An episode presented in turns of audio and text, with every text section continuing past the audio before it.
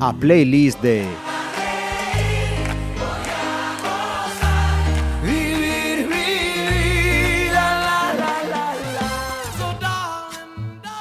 Saludos, arrancamos otra de nuestras eh, playlists. esta semana con voz femenina y además una voz que, como ella dice, mm, es que no, no, no me prodigo. Así que le vamos a dar doblemente las gracias a Pilar Portela por acompañarnos en este programa. Muy bienvenida. Eh, Pilar, eh, con todo lo que tú generas con tu trabajo, todo lo que haces, ¿es por timidez? ¿Es porque a ti lo que te gusta es eso, el trabajo en la sombra? ¿Por qué eso de no...? mm, A ver, yo soy muy cortada, yo no lo paso bien en estas cosas y a mí lo que me gusta es mi trabajo, toda la parte que hay todo por detrás y realmente yo tampoco soy una persona que tenga mucho afán de protagonismo ni tal. Entonces, bueno, yo estoy muy bien así. Pues hoy, con su permiso y como digo, agradeciéndoselo, vamos a, vamos a conocerla. Yo que espero que, que- que- que mucho, porque con estas entrevistas eh, vamos, vamos sacando la esencia, tratamos de, de sacar vuestra esencia. Estos días, cuando hablábamos de, de este programa, me decía Pilar, el primer recuerdo que tengo es una canción que hasta puede que me la inventara, ¿no? Cuéntanos. Es cierto, es cierto. A ver, yo realmente no tengo muy claro lo que te comentaba, que te sea un recuerdo o sea algo que me han ido contando a lo largo de los años, ¿no? Mis padres, mis abuelos. Entonces yo siempre fui una persona muy alegre, muy, muy de bailar, de andar corriendo y tal. Mi sobrina es un poco parecida a mí. Entonces, claro, yo cantaba una canción que me había inventado de pequeñita, yo creo que con dos, tres años. Entonces, Ajá. bueno, es el recuerdo que tengo. Pero ya te digo, no sé si es un recuerdo. A ver, aún me acuerdo, pero no sé si es que ha sido a fuerza de repetírmelo. Pero bueno, no paraba yo. No, no te voy a hacer cantar. No, no, no, ya sabes que no. Bueno, pues eh, esa primera canción, con, tan, tan pequeñita... eh, Bueno, sí ser- se llamaba Papo, su- Papo, Papo, eso Papo, sí. Papo, Papo. Sí. Había, me recuerda, fíjate, cuando lo estabas diciendo antes, había una, una canción, no sé si era de los eh, 60, 50, de una cantadora de estas, que luego se hizo una versión así más, más discotequera. No lo sé, yo soy un poco más me- joven. Me, me sonaba, fíjate, digo, Pues pues, no, igual no lo de aquella sonaba y te quedó y... A ver, yo soy un poquito más joven, yo soy del 68, o sea que, no sé, a lo mejor me la cantó mi abuela Por o eso, algo por y, eso, puede y yo hice una adaptación, fíjate. Efectivamente. Mira, eh, Pilar, eres de Pontevedra. Sí, sí.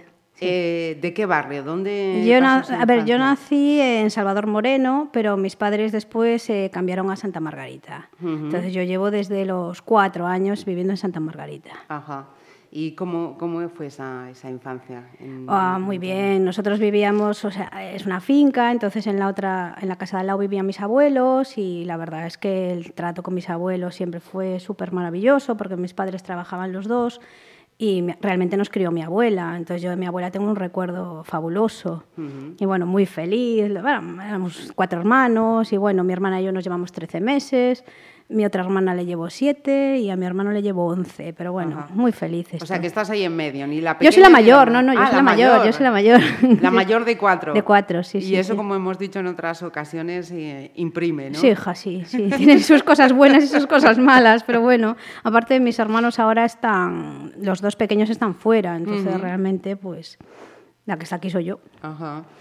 Eh, decías, es una infancia en esa casa eh, familiar eh, y por lo que dices entonces también con esa vinculación muy especial a, a los abuelos, ¿no? Sí. que hubo alguna generación que, que quizá ese contacto se perdió y ahora de nuevo por las circunstancias Sí, laborales sí, de los padres. Sí, sí, sí. Yo veo muchos abuelos en el salón del libro. Sí, sí, por el pazo, muchos abuelos. Acompañando a esos nietos. Sí, a ¿no? los Y, nietos, sí, Yo creo sí, que es algo muy grande, ¿no? Que los Sí, nietos bueno, yo creo que esa relación es... No tiene nada que ver la relación que puedas tener con un abuelo a la que puedas tener con tu padre o tu madre. Yo, desde luego, a mi abuela, uf, le tengo un recuerdo que me... Fíjate que murió hace casi seis años y me acuerdo mucho de ella, ¿eh? Sí, sí. Una persona, uf, de las que no, de las que no hay. Y que dejan huella. Sí, dejan sí, sí, huella. sí, sí. Ya te contaré de mi abuela, que por eso escogí otra canción.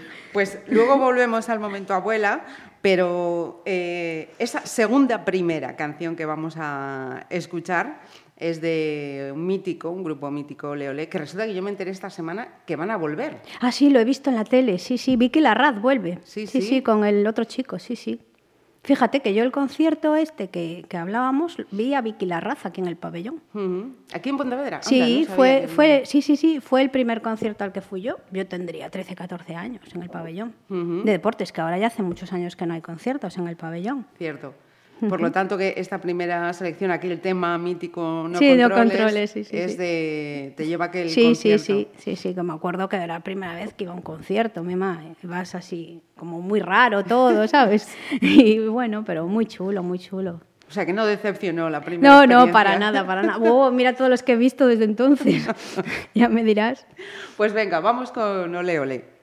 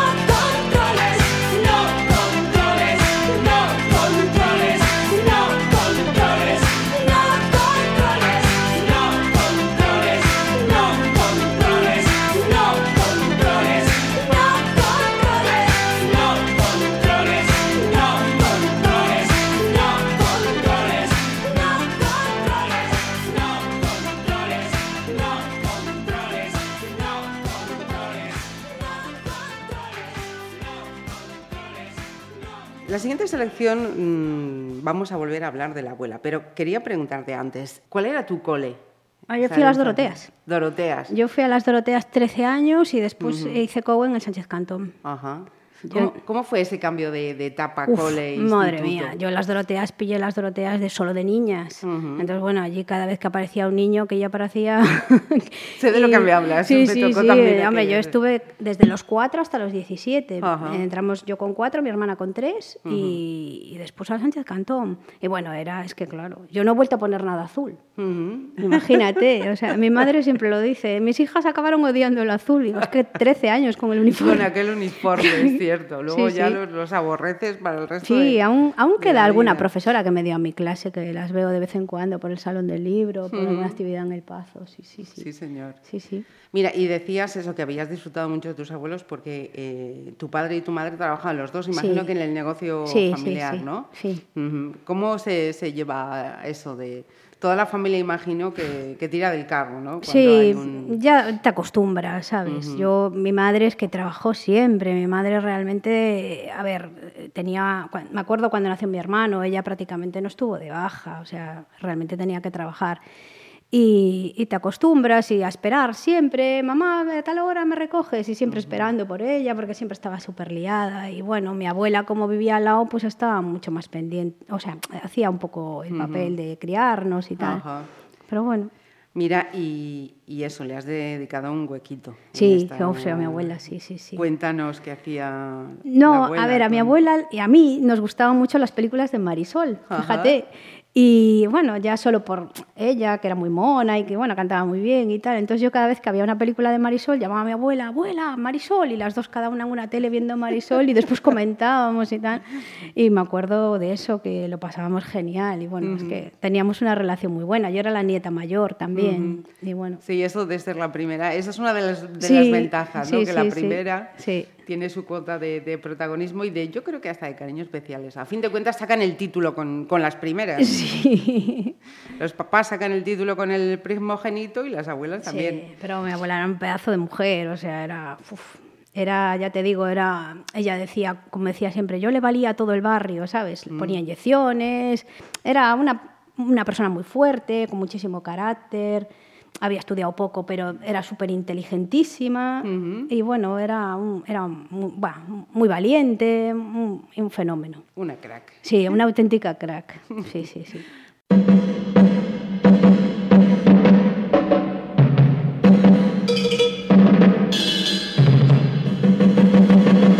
La vida es una tómbola, tom, tom, tómbola. La vida es una tómbola, tom, tom, tómbola. De luz y de color, de luz y de color.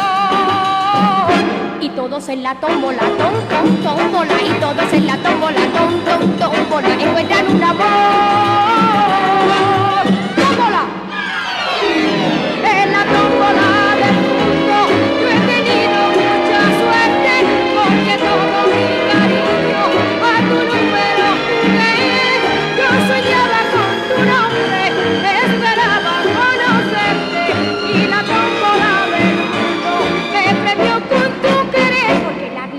Tómbola, tom, tom, tómbola. La vida es una tómbola, tom, tom, tómbola de luz y de color, de luz y de color.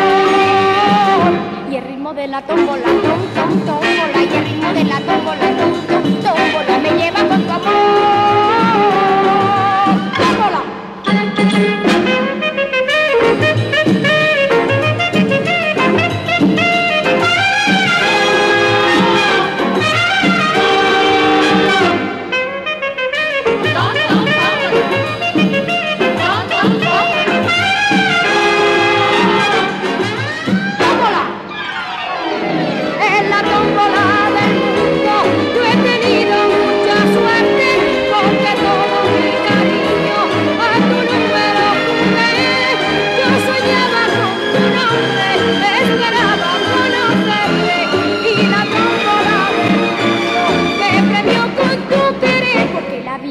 Tómbola, tom, tom, tómbola. La vida es una tómbola, tom, tom, tómbola de luz y de color, de luz y de color. Y el ritmo de la tómbola, tom, tómbola. Y el ritmo de la tómbola, tom, tómbola. Me lleva con tu amor.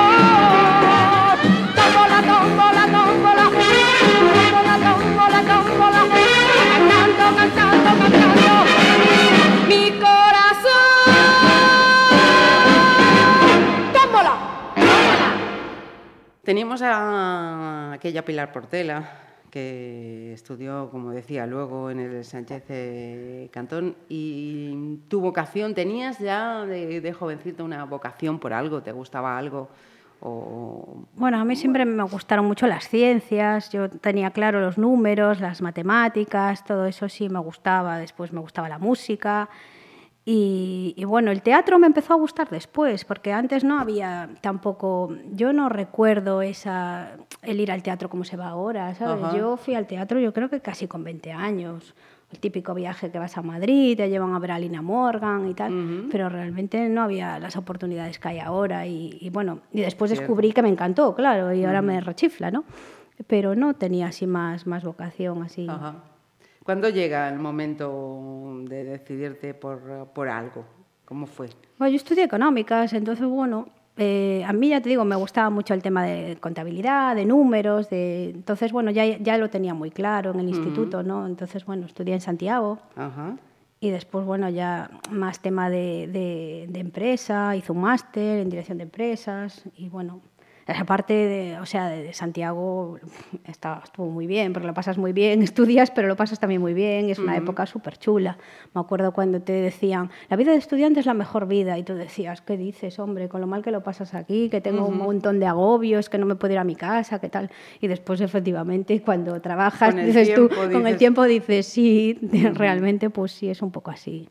Y en Santiago, eh, esa vida universitaria era en una residencia, en un piso. Yo viví ¿cómo el? Primer año, viví con una señora que conocía a mis padres, después dos años en una pensión y después dos años en piso, con chicas que había conocido y tal. Ya se va haciendo uno más, eh, más independiente, Sí, ¿no? no, ya, no. ya va demandando esa a mí mis padres me dijeron, hasta que pases tercero no vas a un piso. Y digo, vale, pues tan pronto acabé, dije a un piso ahora. Y cuarto y quinto hicimos un piso, sí. Y en Madrid un piso también. Ujú. Y como dices, aún con el paso del tiempo, una época de Sí, tenerla ahí arriba. Sí, sí, sí. Bueno, yo recuerdo que lo pasé muy bien en Santiago. Es que, uff, madre mía, salías de aquí, estabas toda la noche de juerga, mima, que yo era todas las discotecas, todo. Yo ahora no me acuerdo mucho, pero las discotecas que había allí, que después veías a gente famosa, me acuerdo de ver a gente por ahí en Clangor, en la facultad, en tal. Y bueno, súper bien. Yo la pasé muy bien en Santiago. Y de estudiante también. Sí, bien, bien, bien, bien. O sea, no, no tuve problema tampoco, pero bueno. Eh, yo sé de alguna que hace, hace poquito tiempo, eh, revisando así papeles y estas cosas viejas, de repente aparece el libro escolar. Se me cayó un mito. Fíjate, ¿Ah, sí? yo pensaba que había sido una estudiante brillantísima y era del montón total. Dije, bueno, yo Dios. también, Oh, pero bueno, haces la carrera en cinco años, tampoco es que saques matrículas, pero bueno, Ajá. la haces bien y total, Bien. Pues eh, paradita también eh, musical. Esta vez nos llevas a Durán Durán. Sí, pero esto es, yo creo que aún estaba yo en las Doroteas, porque... Sí, pues cuéntanos. No, porque ah, yo me acuerdo, jo, Durán Durán, es que a mí me encantaba, me sabía los nombres de todos, compraba el Super Pop. Eso te iba a decir, El Super, Super Pop, Pop. fíjate que ya no sé ni si existe o no existe. y, y yo después tenía los pósters en la carpeta, bueno, me encantaban, Dios mío, la de Wild Boys es que me la sabía de memoria. Ajá. Me gustaban mucho, ahora no sé cómo están, la El vídeo era mítico, además. Sí, sí, ¿no? sí, Me sí, lo, sí. lo tengo sí. en la memoria. Sí, es que seremos de la misma quinta, más sí, o menos, sí, sí. Casi no, además eh, había como, como peleas. Yo soy del. De Spandau Ballet o de Wild tal. Boys o de bueno, Duran. Duran, sí, un poquito. Había la dualidad, o uno o de otro. Sí, a mí me costaba ahí decidirme, ¿eh? fíjate, pero, pero realmente me gustaba mucho Duran Duran. Ujú. El Simon Le Bon, sí, sí, me gustaba mucho.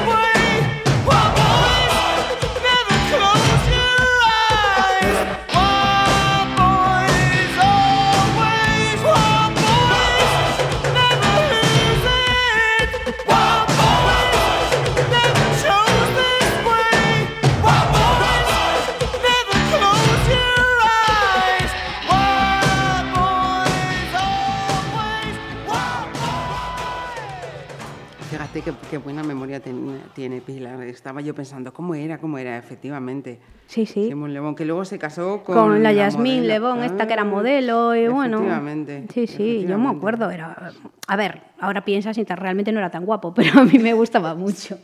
De aquella nos parecían A espectaculares. mí me parecía impresionante. Aquellas carpetas forradas. Y las carpetas de- aquellas de los apuntes y todas llenas de, Sí, del sí, super pop, que yo ya no sé ni si existe. Realmente lo comprabas por eso, ¿no? Pero bueno. Sí, sí, sí.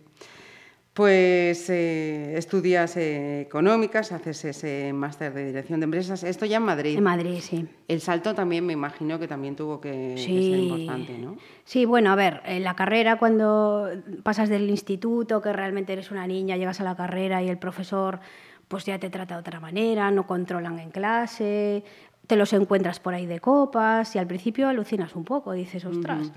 Y, y bueno, Santiago, y después a Madrid, hombre, es que la vida de Madrid es tremenda también. O sea, bueno, yo vivía relativamente céntrica y bueno, tampoco, un máster tampoco lo pasas bien, sales, pero a ver, tienes que trabajar mucho, Ajá. porque si no te, te puedes acabar quedando sin el máster y, y, hombre, es mucho dinero, ¿sabes?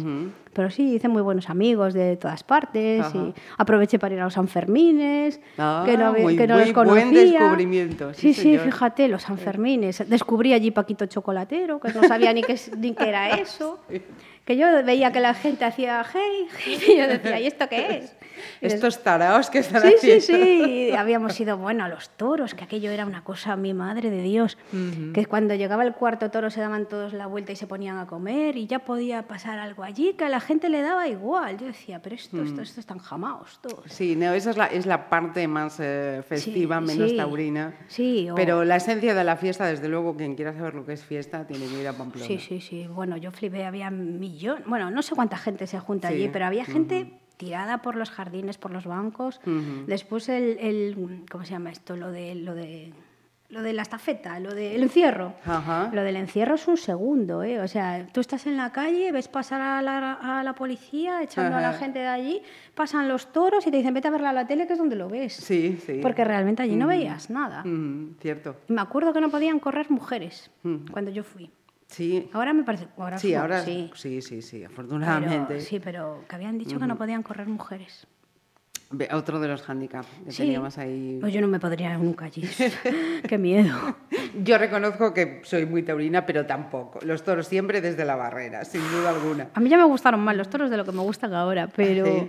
pero sí que es cierto, pero yo nunca me pondría delante de un toro, pero vamos, ni, ni loca. Qué Ah, Un miedo. poquito. Y, y hablando de, de Madrid, ¿sería una ciudad en la que mm, podrías vivir o te gustan más No, ciudades no, así no, más no. Pontevedra? No, no, a mí me gusta mucho más Pontevedra. Yo podría haberme quedado allí, pero no, no, no, no, que va. Y, y, hombre, siempre lo digo, mira, nosotros vamos de vez en cuando a Madrid porque mis hermanos viven allí los dos. Bueno, mi hermana ahora vive en Alemania, pero mi hermano vive en Madrid. Y siempre que volvemos de allí, siempre, siempre, siempre decimos, como en Pontevedra, no lo Sí. cambio ni de... Porque es que, a ver, mis hermanos se levantan súper temprano para ir a trabajar, igual echan una hora en el metro o un autobús, eh, después no comen nunca en casa Mm.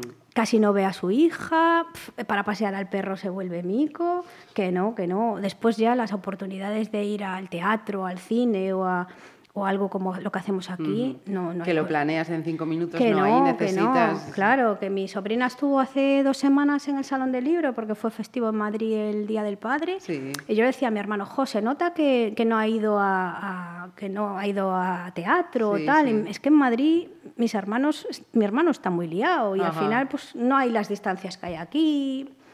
Entonces, bueno, Es otra manera. No, no, yo no cambio Pontevedra ni- ni totalmente, loca, vamos. Totalmente distinto, sí, sí. Eh, nos vamos con una balada ahora. ¿Con de White Snake. Ay, sí, me encanta. El Is This Love. me encanta. ¿Esto suena a algún primer amorcillo? No, Cuéntanos. no, que va. No, siempre me gustó mucho el, el cantante este de White Snake y el vídeo Mm. era muy chulo y de hecho lo tengo, tengo un pincho y tal y cuando vamos así de viaje en coche siempre lo pongo y me encanta cómo canta y todo, pero siempre me gustó muchísimo y me recuerda a la época de Santiago, que, de salir por ahí de marcha y tal. Bueno, esto sería ya la hora de ir cerrando, ¿no? Sí, sí. Jova, acababas mi ma tomando el pollo aquel en el, en el sitio aquel, en el Galicia, comiendo pollo. Fíjate, a las 8 de la mañana comiendo pollo. Antes de irse a cama, después de unas copas, El fundamental. chocolate, mi madriña. Los que estudiábamos en Bilbao íbamos a la tortilla, el mesón de la tortilla, era la Yo última me- parada antes de... Yo me acuerdo del Galicia. El Ajá. Galicia que era el chocolate y el pollo. Que yo creo que pollo, no creo yo que tomara pollo, pero chocolate seguro que sí. Puede entrar, puede entrar mejor.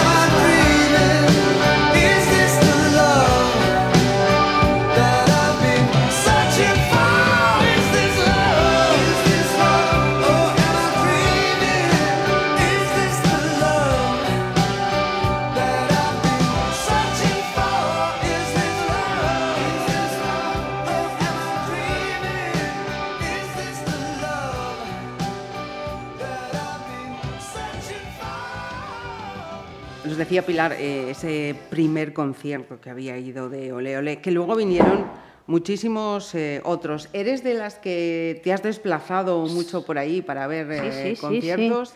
Sí, cuéntanos. Sí, uff, mima. ¿Hasta dónde te has llegado a ir? Volver A ver, eh, nosotros hemos ido a Londres varias veces a ver conciertos y estos son los del final.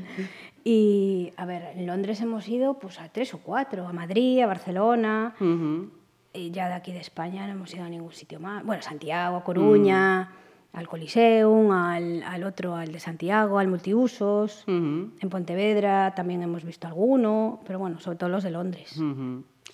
Te puedo preguntar cuáles son esos eh, de Londres, porque no serían unos cualquiera. imagino, No, para ir hasta ¿qué va? Londres. No, en, en Londres fuimos a ver a Eric Clapton, fuimos Ajá. a ver a los Modi Blues, que también nos Ajá. gustaban mucho, y después fuimos a ver a Roger Waters, que es el cantante, bueno, el bajista de Pink Floyd, y a David. Gilmour, que es también el guitarrista de Pink Floyd. También fuimos a Pula, en Croacia, hace... Pula. Sí, hay un anfiteatro romano súper bonito. Sí, sí, porque queríamos ir a... Yo le había dicho a Luis, a mi marido, le dije, mira, si vuelve a sacar un disco... a Bueno, todo esto de Pink Floyd es mimetismo por, por Luis, o sea, es contagio. Yo realmente no los conocía prácticamente solo la de Another Brick in the Wall, la del muro, ¿no? Ajá. Pero después ya me empezaron a gustar y ahora me gustan mucho. Entonces yo le dije, si vuelven a sacar otro, si vuelve a sacar otro disco el cantante, pues si quieres vamos a un sitio que no conozcamos. Y entonces dijimos, pues venga, a Croacia. Yo, a mí cualquier excusa me Sí. vale para ir de viaje. Entonces allá nos fuimos a- al anfiteatro de Pula. Y compramos las entradas por internet y resulta que lo típico, que las compras como vayan de tiempo y nos fue a tocar justo el bafle delante. Y claro, el Toma. pobre de Luis se quedó súper fastidiado porque decía, jo, es que realmente no lo apreciamos. O sea, sí lo apreciamos porque era un sitio, un anfiteatro romano impresionante y tal, un sitio impresionante. Pero claro, Al en el centro estaríamos mejor. Y claro, yo cuando las compré ya vas a un poco a lo que te dejan. Y entonces volvimos a ir. Y fuimos a Londres. Ajá, Entonces lo bueno. vimos dos veces. Ujú, sí, señor. Y me imagino que en esa lista de conciertos a lo largo de tu vida estará la Plaza de Toros y el Toñón. Sí, sí, sí, a Elton John lo vi, lo vi, lo vi. Y también lo vi en Coruña. Ajá. Sí, sí. Elton John, a mí Elton John me encantaba. O sea, siempre me gustó muchísimo. Y la de Sacrifice, bueno, esta me la sabía de memoria Y, y además es que mm, eh, me la sabía, su- bueno, toda la letra de memoria. ¿no? Entonces, eh, yo me acuerdo que estaba en Inglaterra un verano y, y fue cuando, cuando empezó todo el tema de, de la guerra de Irak. Entonces, en nuestro colegio había cubaitíes que eran pilotos. Y entonces esto, bueno, tenían muchísimo dinero. Y entonces compraban relojes de oro, le regalaban perfumes a todas las niñas del colegio, compraban porches. Bueno, aquello era un despliegue impresionante. Y empezó el tema de quemar los pozos y los, los, los mandaron de vuelta, se tuvieron que volver. Y yo tengo muy buen recuerdo de ese verano, aparte de todo esto, conocí gente de Japón, conocí gente de Turquía, Ajá. de un montón de sitios, ¿no? De Sudamérica, que bueno, que, que cuando hablabas con, eh, con los de Sudamérica, no porque hablas en español, pero cuando hablabas, oías hablar a un japonés en inglés o a un turco en inglés, ay Dios mío, o, o los cubaitíes o los egipcios, claro, te, puf, aquello era educar el oído, pero a conciencia. Porque era muy complicado, porque cada uno había, los, los turcos decían, en vez de think, decían think, I think, I think, y tú decías, ¿qué me está diciendo? I think, no sé, o sea, era un poco complicado, pero bueno, un, un verano impresionante. Ajá. ¿Se repitieron esos veranos en Inglaterra? Sí, o- fuimos varios años, sí, sí, sí. Aparte, yo me acuerdo el primer año que fui, que a los dos días llamábamos a mi madre, mamá, queremos volver, que estamos fatal, que tal y tumba. Y cuando nos teníamos que volver, queríamos quedarnos siempre, mamá, queremos quedarnos, "¿Qué? veniros para acá inmediatamente. Además, me acuerdo que llamábamos a cobro revertido, era súper divertido. mm. Entonces llamábamos a cobro revertido y cogía a mi abuela, diga. Porque teníamos el mismo teléfono. Y nosotros, abuela, di yes, di yes. Y mi abuela. decían, "Do you wanna collect call?" Eh, Exacto, y mi abuela por detrás, yes, yes, yes. Y después decía, yo también hablo inglés, mira, mira, yes, yes. No tenía ni idea, claro. Eso efectivamente Sí, sí, era cuando di llamabas. yes, Tú cuando te pregunte algo que no entiendes, di el yes. Di yes, yes. Y mi abuela por detrás, yes, yes. Sí, señor. Sí, sí. señor.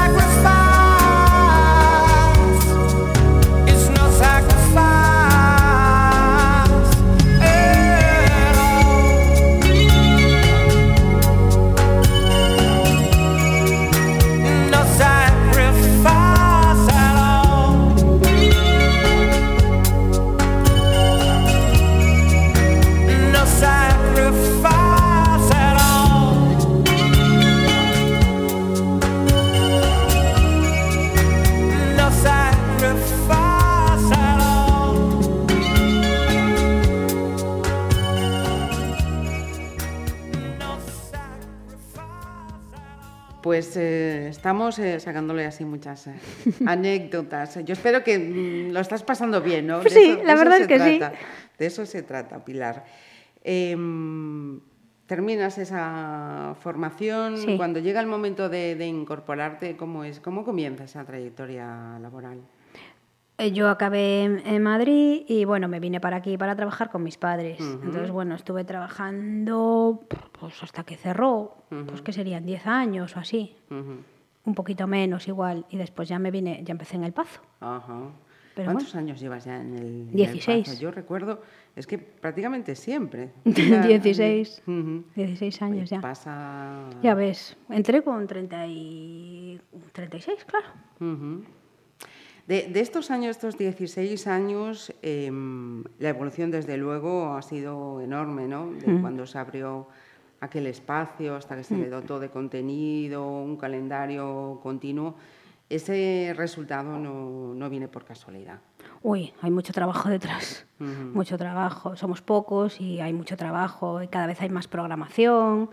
Entonces, bueno, hay... Y bueno, ahora yo creo que ya cuesta menos que la gente, eso que se decía, que si la gente no quería cruzar el río y tal, yo creo que vas cualquier Se va día. superando ya, sí, sí. yo vas cualquier día y cada vez hay más gente en todas las actividades. Hemos tenido muchísimos, muchísimos llenos y ahora ya son 20 años. De, Entonces, al final, el Salón del Libro tiene muchísima gente, pero haces un espectáculo. Tenemos a Macy Gray la semana que viene, está todo vendido desde hace un mes. Doctor Queen estuvo todo vendido. Un- las obras de teatro también. En general, muy bien. Ujú. No, la verdad es que es un, un trabajo digno de, de reconocer. Gracias. Vamos con otros míticos, los Queen. Oh, me encanta Queen. ¿De qué momento? Puf, pues yo creo que, a ver, yo estaba buscando las épocas de, de Queen y tal, a mí la de I Want to Break Free es que me encanta, siempre me hizo mucha gracia el vídeo de ver a, a Freddie Mercury con la, la Aspirador. aspiradora y con ese bigotazo y tal, y esto, ay Dios mío, querido. Y al, al, al batería, al Roger Taylor, este, a mí, bueno, siempre me gustaron mucho, y bueno, Queen, o sea, Freddie Mercury cantaba que, vamos, que todo yo creo que, de- no sé yo qué voz hay, una voz impresionante. y, y bueno, es que también era porque habíamos ido a verlos a un concierto en Madrid. A ver, a Freddie Mercury ya fuimos a ver a Queen, a Brian May y a, y a Roger Taylor y después estaban con Paul Rogers, que Ajá. estaba haciendo de solista y tal. Y la verdad es que estuviera súper bien Brian May, es impresionante cómo toca. Y nos había, habíamos solucionado muchísimo con el batería, porque el batería empezaba tocando solo, imagínate, pues un tambor o lo que fuera, y le iban incorporando piezas de la batería, Ajá. y él no se movía y al final acababa tocando pues toda la batería completa. Era impresionante verlo. Y el Brian May, que, bueno, que es un guitarrista que alucinas. Y bueno, y bueno me, y fuimos al concierto de Doctor Queen que tuvimos en El Pazo hace, y lo pasamos pipa también. Ajá. Bueno, aunque no tienen, a ver, son muy buenos, sí, pero claro, pero súper divertido. A mí me encanta Queen, todas las canciones, pero I Want to Break Free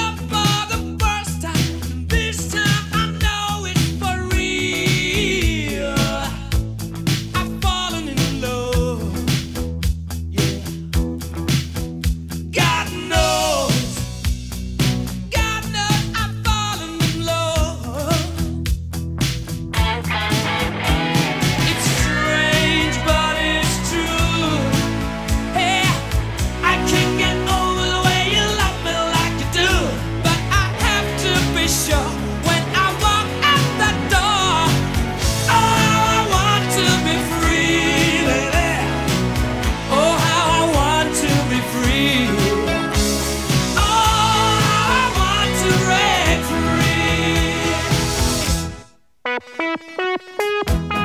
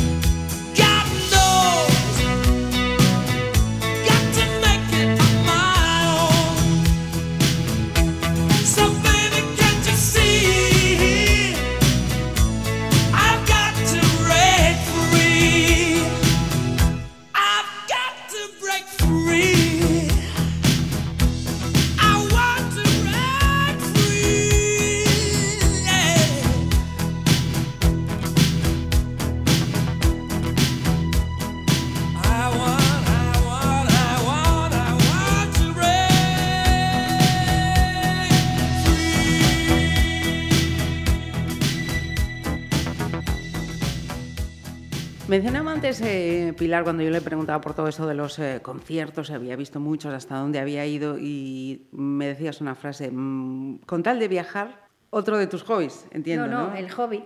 El hobby. El hobby. El hobby. Bueno, a mí, cualquiera que me conozca sabe que viajar eh, para mí es, vamos, lo más. Yo siempre estoy pensando en algún viaje. Estoy, acabo un viaje y ya estoy pensando en el siguiente. Me lo paso genial buscando futuros destinos o organizando viajes cortos para ir con Luis y tal. Me lo paso genial. Ahora tengo que organizar algo, pero no he tenido mucho tiempo. Pero ya te digo, para mí viajar siempre descubres algo. Para mí yo es- no es dinero tirado ni dinero gastado, es una inversión Efectivamente. aprendes muchísimo, ves cosas que, que después a veces aplicas aquí, ¿sabes? ¿Ves? Cierto, cierto. Yo vi cosas que a veces le comento a Ansos y digo, hombre, podemos hacer esto y tal, ¿sabes? O cosas que ves aquí que, que también trasladas allí y, y, bueno, realmente no sé si va a dar tiempo a hacer todos los viajes que quiero hacer porque siempre digo, cuando vayamos, cuando vayamos, cuando vayamos, pero para mí viajar es lo más. De todos esos destinos que conoces, ¿hay alguno que digas el que más me ha impresionado, el que recomendaría a cualquiera? A ver, yo lo comentaba ayer con Luis, decía a mí, a ver, él me decía que no lo tenía muy claro, pero a mí el sitio que más me gustó fue la India. Ajá. Yo cuando fuimos a la India, eh, yo siempre tuve claro que quería ir, pero cuando de repente, normalmente siempre escojo yo los viajes. Sea, habíamos llegado a un acuerdo que cada año escogía uno, pero al final voy escogiendo yo. Menos este año que escogió él y yo dije, bueno, me callo porque ya llevo unos cuantos. Entonces eh, Luis dijo, "Ah, ¿por qué no vamos a la India? Y dije yo, "Pua, no sé, yo la India me parecía un poco duro para ir, ¿sabes? Dije, va, sí que quiero ir, pero tan pronto, va, déjalo ahí. Pero la verdad empecé a meterme a leer la guía, a ver el viaje y tal, y me pareció un destino alucinante. Eso sí, tienes que ir un poco como nos decían a nosotros, un poco, ¿sabes? Como que lo ves un poco desde fuera, porque es muy duro, hay mucha miseria, hay mucha pobreza, hay mucha suciedad. Pero bueno, tienes que intentar Sí. que no te afecte mucho, ¿sabes? Pero es un país impresionante, no es para cualquiera, hay gente que viene muy tocada. También es un viaje que hay que digerir después, que a veces te quedas un poco impactado y tardas varios, varios días en, en decir qué pasada, ¿no? Pero es un país que tengo ganas de volver al sur, sobre todo. Al norte ya lo conocemos, al sur. A mí me gustó mucho Perú, Ujú. pero Tremendo ahora lo de Perú. Sí, Tremendo. sí, nos contaron a nosotros lo del niño, nos habían explicado lo del fenómeno del niño, que era por las corrientes, los cambios de temperatura y tal. Y, pero es un país súper bonito, súper bonito, porque tiene muchos contrastes. Ya nos decían allí que era un país con muchos ecosistemas, y tiene la, la- la selva, el Amazonas, nosotros estuvimos en el Amazonas, el Pacífico, el desierto, la eh, el tema de la montaña, el cañón de Colca, eh, después, bueno, el Titicaca, que es impresionante. Ujú. Eh, pu- y me falta lo de la, montaña alta, que ahora se me olvidó el nombre. Pero bueno, súper bonito, un país súper recomendable. Eh, Bueno, me gustan muchos más. Egipto también es bonito. Ahora no se puede ir. Pero- habrá que esperar un mejor, no, un mejor fu, momento. a mí me habría gustado muchísimo volver a ir, sobre todo con mis padres, porque mis padres siempre decían que, que, a- que- a mi padre siempre decía que le gustaría mucho ir a, a Egipto y este año hacen las bodas de oro y yo siempre pensaba, Ah. jo, pues podíamos ir, pero claro, que ahora es imposible ir. Ya hace años que no se puede ir, Sí, o sea, es muy complicado, no puedes ir de viaje pensando que te pueda pasar algo tampoco. Sí, no es cuestión de disfrutar con, con No. un disgusto. Eh, nos ponemos setenteros. Sí. Ropa brillito Sí, sí, y a por los Gees. míticos también, sí. ¿no? De estos que no pasan nunca. No, yo ya te contaba antes que yo tengo un pincho que bueno, que lo grabé este año que nos fuimos de viaje así en coche y tal, y ahí llevaba los Billys y, los, y la de Staying Alive o cualquier canción de los Billys te pone una sonrisa en la boca, a mí me encanta, o sea, ya te dan ganas de bailar, estás conduciendo y estás ahí, ¿sabes?, en el volante, y a cualquiera que te vea dice, esta tajamada, pero bueno, lo pasas genial. A mí me anima un montón. A mí me encantan, me encantan. Y, y bueno, de esa época, y después también me acuerdo eh, de, de Gris, aunque Ah, fiebre- esto es fiebre de sábado noche, pero me acuerdo de Gris, que mi hermana y yo no sabíamos la coreografía, y allí bailábamos una otra vuelta al otro Olivia Newton-John, y allá con, a bailar cantando en Spanglish. pero, pero sí, sí, no, para los Billys, unos clásicos. Pues venga, momento setentero con los Billys.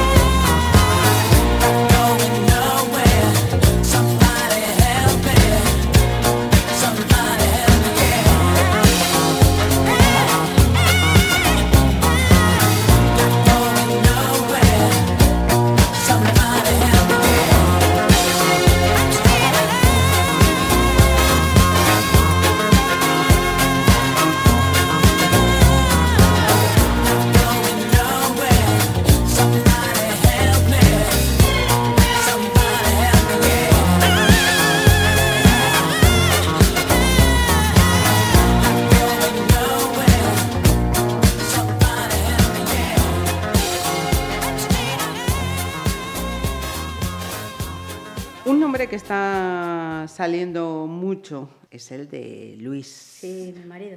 Te, me voy a permitir el lujo de preguntarte en qué momento y cómo aparece en tu vida. Pues mira, llevamos este año, yo la cuenta la pierdo, siempre se la pregunto a él. ¿Cuántos años llevamos casados? Llevamos 15. Ajá. Este año haremos 15 años.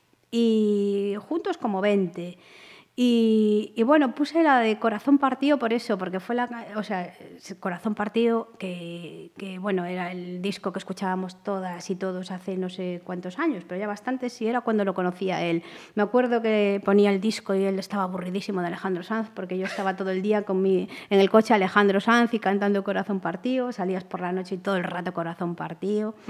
Y bueno, pues sí, o sea, 20 años juntos y muy bien, la verdad. Él es de aquí, de, de Sí, Pontevedra. bueno, realmente él nació en Zamora, pero Ajá. la familia es de aquí, de Pontevedra, y Ujú. el padre trabajaba afuera, entonces, bueno, un poco nació en Zamora y cada uno de los hermanos nació en un sitio diferente, pero, Ajá. pero ya lleva muchos años viviendo aquí.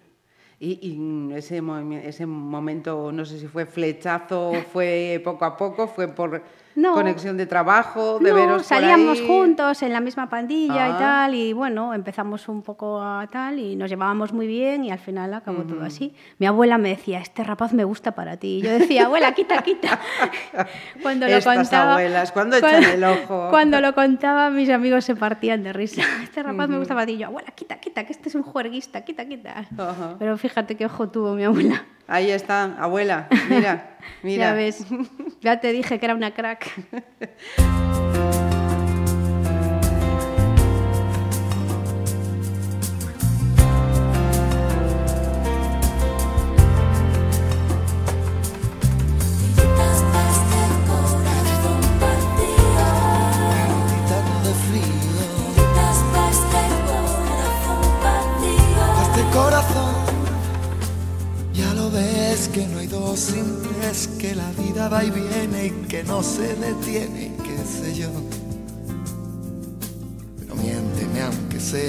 que algo queda entre nosotros dos, que en tu habitación nunca sale el sol, ni existe el tiempo ni el dolor.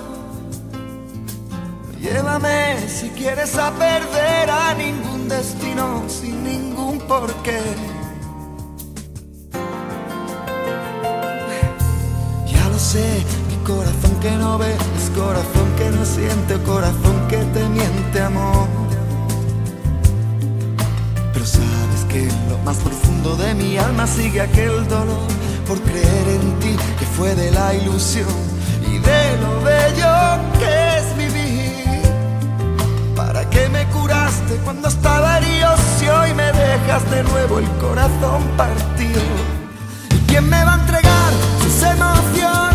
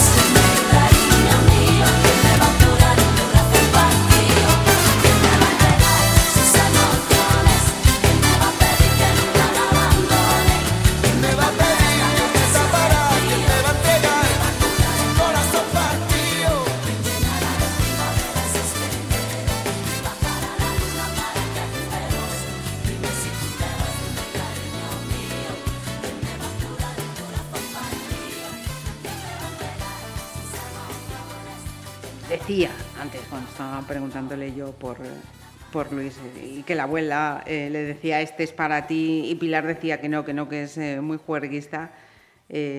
¿Tú has sido también así de vidilla, de salir mucho o, o eras más, más Ah, yo-? ¿Ha habido etapas? Yo creo que hubo etapas, sí. Yo, Sí. una época en que sí que salía, y, buh, mi mamá llegaba a casa, pues mis padres decían que cuando los barrenderos. y sí, hubo una época en que sí, que, que, que bebía y tal, y ahora ya hace muchos años que no bebo, y bueno, que me he hecho más, más sedentaria, más tal, pero sí he salido mucho. Ujú, Momento ahora ya calma, ¿no? Sí, Todo tiene su... sí, sí, sí. Y se sorprende la gente, no, es que no me gusta el vino, no me gusta tal, yo soy así, pero bueno. Oye, que para salir y pasárselo bien no hay por qué Sí, estar ahí sí, chiclando, ni muchísimo menos. Y Luis también, Luis también se ha tranquilizado, también le has pegado ya esa... Sí, bueno, se ha tranquilizado, pero, pero a él sí que le gusta el vino. a mí no, a mí no. A mí, me gusta, a mí lo que me gusta es el tema de ir de tapas, pero claro, como no bebo vino, me aburro. Ujú. Entonces, claro, yo para beber aguas, pues, pues que acabo encharcada. Mm, Una sidrita, una cañita, nada, ¿no? Bueno, ahora me va gustando algo la cerveza, pero no te creas que me gusta mucho. es que no, me da rabia, porque sí que me gusta el tema de la cultura del vino y me gustaría beberme un vaso de vino y siempre me dice, prueba este, que ya verás cómo te va a gustar. Que es que no me gusta. Y cuando no, es que no. que no me ¿qué gusta. vamos a hacer? ¿Qué le voy a hacer? yo, yo te invito a La Rioja. Y Ya a estuve, estuve este año, fíjate. ¿Ah, sí? Sí, estuvimos en enero, súper bonito. ¿Dónde? ¿Por qué parte Estuvimos en, en Aro, Ajá. estuvimos en La Rioja Alavesa, en La Guardia, Ujú. eh, súper bonito, súper bonito. Aro nos enseñaron aquello que ponía que, por, que había que pagar no sé cuántas pesetas, había una multa, que porque estaban las, ¿cómo le llamaban ellos? Los collados, ¿no? Los, Las bodegas, que le Sí, llaman de otra forma. están metidas bajo sí, son tierra, su- subterráneas. Fuimos a ver las bodegas estas de Viña Tondonia, que ahí tenemos dos botellas que compramos que las tenemos guardadas. Y la Rioja Alavesa, que es súper bonita, eh, la Guardia, preciosa, lo de Martín Codas, no, Martín Codas, no, lo de eh, Egeri, este, la bodega esta, Marqués de Riscal, muy bonita, y la verdad muy bonita, y Vitoria, muy bonita, me gustó ¿Y, mucho. y que me bebiste allí? Pues chica, mira, eh, nos- eh, estuvimos en la bodega esta de Viña Tondonia y nos regalaron, ha- había, te ponían la degustación y yo probé un poquito de vino, pero es que había un jamón ibérico buenísimo. Ah. Entonces yo dije, mira, yo me como el jamón y estos que beban. Y entonces había allí unas sudamericanas que sí que descubrieron el jamón un poco tarde y entonces yo me aproveché. Y yo dije, mira, que beban ellos y yo como jamón. Efectivamente, qué demonios. Eh, nos vamos a San Francisco, Sí, musicalmente hablando. sí, Scott Mackenzie. sí. ¿A qué nos lleva esta canción? a San Francisco. Es que, verás, nosotros estuvimos hace unos años en, en un viaje por el oeste de Estados Unidos, Las Vegas, Los Ángeles, San Francisco, los parques nacionales y tal. Ajá. Y cuando estábamos llegando a San Francisco nos pusieron la canción. Y entonces todo el autobús cantando la canción de San Francisco y a mí siempre me gustó muchísimo esta canción, pero es que ese viaje fue súper bonito. Y bueno, estuvimos eh, eso, en los parques del oeste, en el Monument Valley, en el Gran Cañón, en Las Vegas. Y bueno, también me gustaban mucho las películas del oeste, entonces bueno, ve- estar en Monument Valley donde se rodaron tantas películas que yo veía con mis abuelos de pequeña, en aquellas teles que tardaban cinco minutos en encenderse, ¿no? en blanco y negro, y decías tú, papá, cuando se encienda ya casi acabó la película. Y ¿sabes? O- Los Ángeles, los sitios de Pretty Woman o de y San Francisco Sí, y sí. tal, y bueno, un viaje muy bonito y me, me recuerda a eso un poco. Pues esa banda sonora del viaje a San Francisco.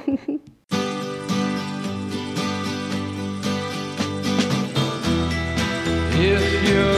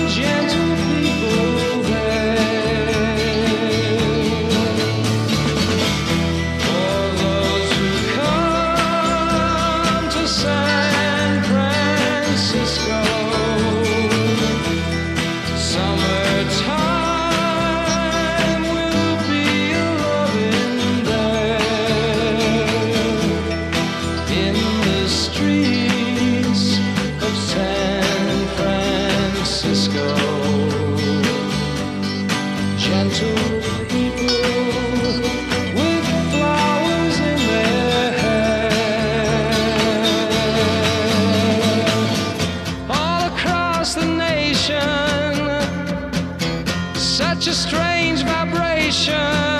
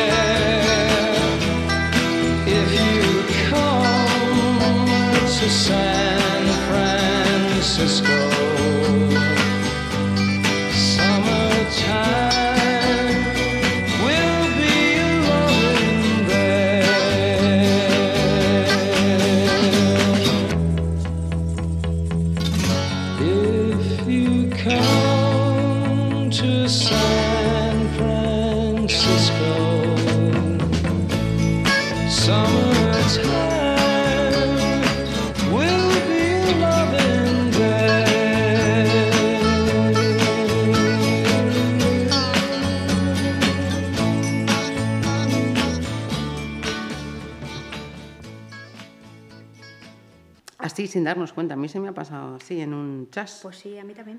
Eh, llegamos al final de, de la selección que ya nos ha nombrado antes, que Pink Floyd le viene por Luis. Efectivamente. Le viene por, por Luis. Eh, viajar, uno de tus hobbies, veo que la cultura Sí. también está entre tus eh, favoritos. ¿Alguno más se nos queda que nos quieras desvelar? Pues, pues no, la verdad. Es que, claro, la cultura, la música, algo de deporte, pero ahora ya hago menos.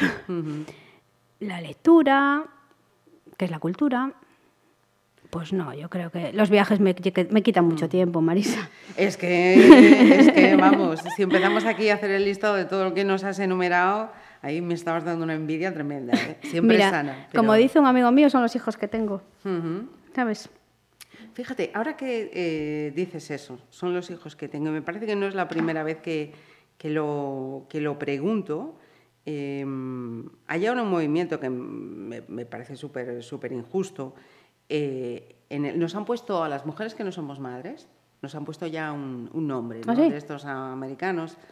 Eh, es el no mom. No mom, ah. no, no madres, ¿no?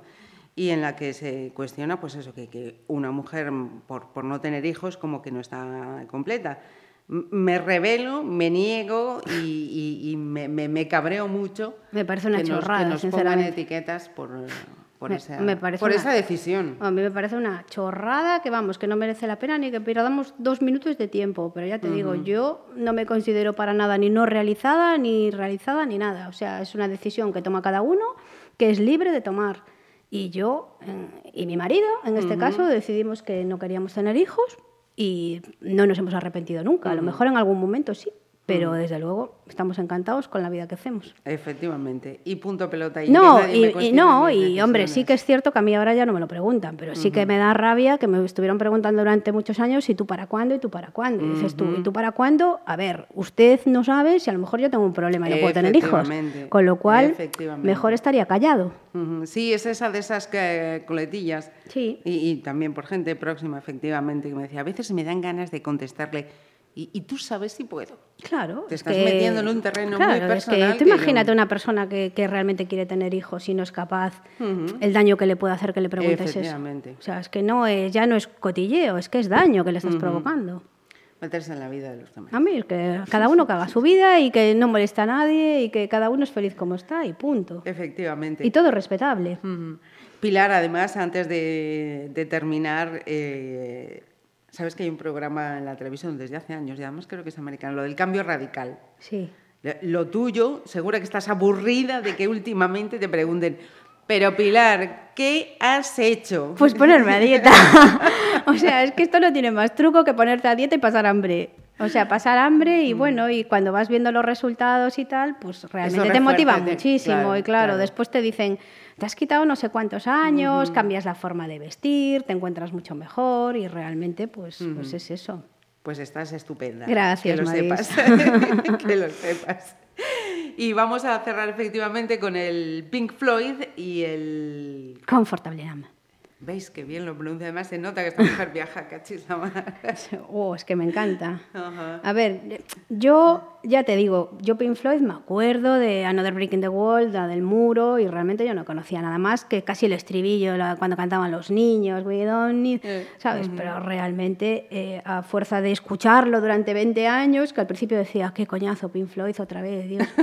claro, al final esto me fue, cada vez me fue gustando más, me fue gustando más, y, y realmente ahora me encanta. Y cuando fuimos a algún concierto, el concierto de- del muro, que lo fuimos a ver en Madrid, después lo fuimos a ver a Londres, al Wembley, que yo no sabía ni que Wembley lo habían tirado y era otro. Fíjate, yo cuando llego allí, yo, ostras, yo no me había enterado, porque yo de fútbol no me entero. Y, y bueno, la verdad es que flipamos, ¿sabes? El Ajá. espectáculo a nivel producción, con un montón de proyectores de en tres dimensiones y tal, era de flipar. Y, y claro, los espectáculos que hacen, uf, mamá, es que, y aparte que eso que lo hagas hace 40 años o en la época en que lo hicieron y que ahora lo vuelvan a hacer, y después es que, y el, y el otro, el David Gilmour, que lo fuimos a ver tres veces ya, es que, jolín, es que toca la guitarra que alucinas. Que las cosas buenas. Claro, pasan, entonces estás, acabó ahí. el concierto, cuando, una de las veces que lo fuimos a ver, la gente quedó como en shock. Cuando acaba el Ajá. solo de guitarra, todos callados y tardamos no sé cuántos segundos en aplaudir. Y claro, estábamos todos como, madre del amor hermoso, qué manera de tocar. Pues Pilar, que ha sido un placer, me alegro mucho que, que hayas eh, venido, que nos hayas eh, acercado eh, un poquito más eh, esa posibilidad de, de conocerte, que sigas viajando Gracias. mucho y disfrutando mucho de todo lo que haces. Gracias.